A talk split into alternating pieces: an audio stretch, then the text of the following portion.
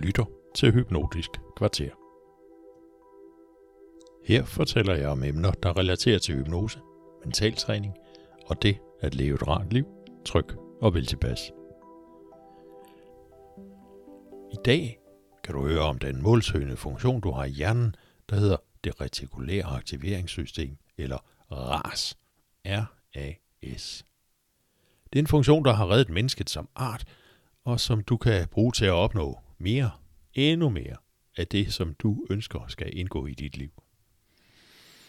RAS, eller det retikulære aktiveringssystem, det er en funktion, der involverer tre forskellige områder i lillehjernen, eller hjernestammen.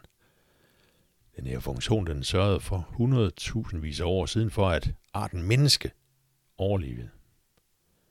Dengang var der kun ganske få mennesker tilbage, og nogen siger omkring 2500, og de levede i mindre forsamlinger i landsbyer, hvor opgaverne var nøje fordelt.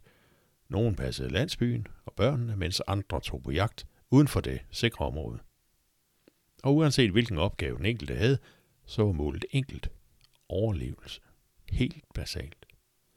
Uden mad, intet fortsat liv, og derfor sørgede Ras for, at når sulten meldte sig, så blev mennesket opmærksom på fødeemner – og når sulten så var stillet, og der var behov for en pause til at fordøje føden, så blev der søgt efter et sted i skyggen, hvor der kunne hviles. Og sådan har den ene dag sikkert taget den anden i rutinen dengang. Det var også her, at evolutionen sørgede for, at hjernen, som er det mest energiforbrugende organ, vi overhovedet rummer, etablerede så mange rutiner som muligt, for netop at spare på den energi, der dengang ofte var mangel på. Selve vores mentale styresystem, det baserer sig stadig på den her før stenalder-version. Og det er så det, du kan udnytte til din fordel. For ras er altid aktivt. Det fungerer helt enkelt som et filter, som en slags dørmand, der skal afgøre, hvem der kommer ind til festen. Ras. Sørg for, at din hjerne nøjes med at bruge energi på det, der kan have din interesse. Og hvordan afgør filteret så, hvad der er interessant? Helt enkelt det du taler om, tænker på, snakker med andre om, overvejer mest, det vil være det, som dit filter opfatter som vigtigt for dig. Præcis som når du er sulten, så får du lettere øje på de ting, der hænger lige før kassen i supermarkedet eller i bagerens vindue, når du er på vej hjem fra job eller studie.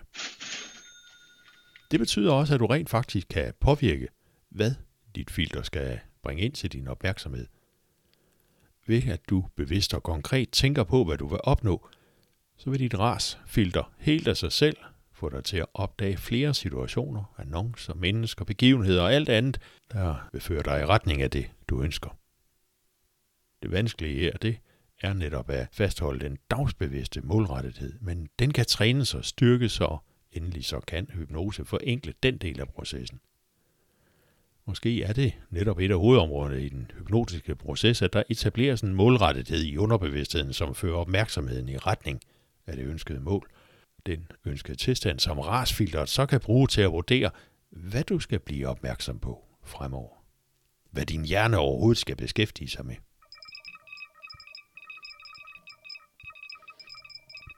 I hverdagen, der kan du selv påvirke dit rasfilter ved visualiseringer, billede af det, du ønsker, skal være virkeligheden, eller ved at træne følelsen, især følelsen af, hvordan det er, når tilstanden er i dit liv.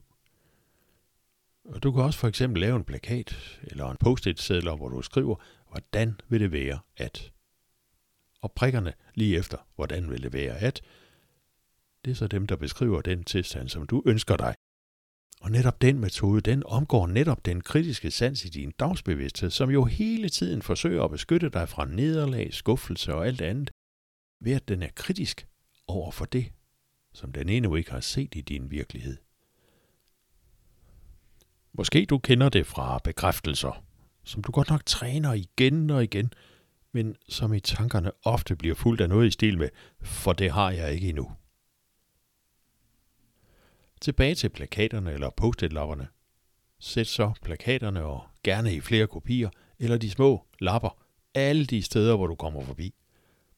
Ved siden af spejlet på badeværelset og på garderobeskabets dør og på køleskabet og i bilen og på din PC-skærm, eller som en baggrund på din telefon, eller som en påmindelse i din kalender, der dukker op hver anden time. Find selv på nogle flere måder, som bedst gør dig opmærksom på noterne eller plakaten. Og med tiden, så vil du overse den og ikke tænke over den. Men lad den endelig hænge. For din underbevidsthed opfatter konstant alt omkring dig, og gør på den måde overvejelserne omkring, hvordan vil det være at til sådan en vedvarende kodning af dine tanker. På den måde kan du styre, hvad en del af de ca. 60.000 tanker, som hvert døgn suser rundt i din hjerne, kan gøre for dig. Kun omkring 10% af dem er du bekendt med.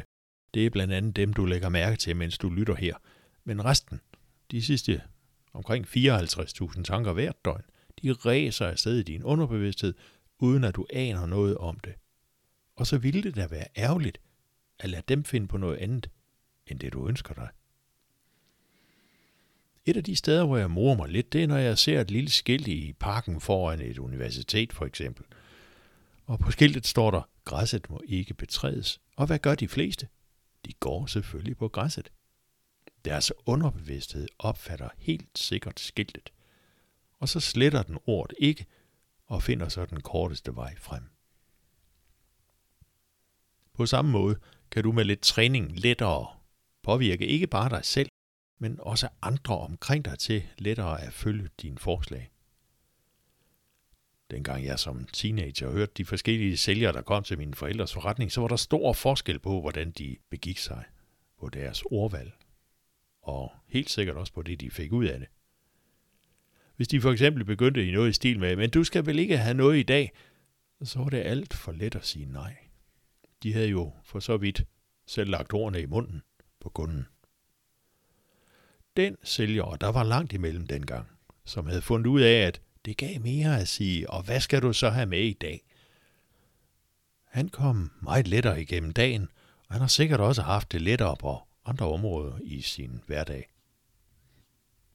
Jeg spekulerer på, når du nu ved, hvordan du kan påvirke og styrke din underbevidsthed, så den hjælper dig med, at du er opmærksom på det, der rent faktisk tjener dig positivt. Hvad kunne der så ske, når du træner den teknik og bruger den slags formuleringer hver dag?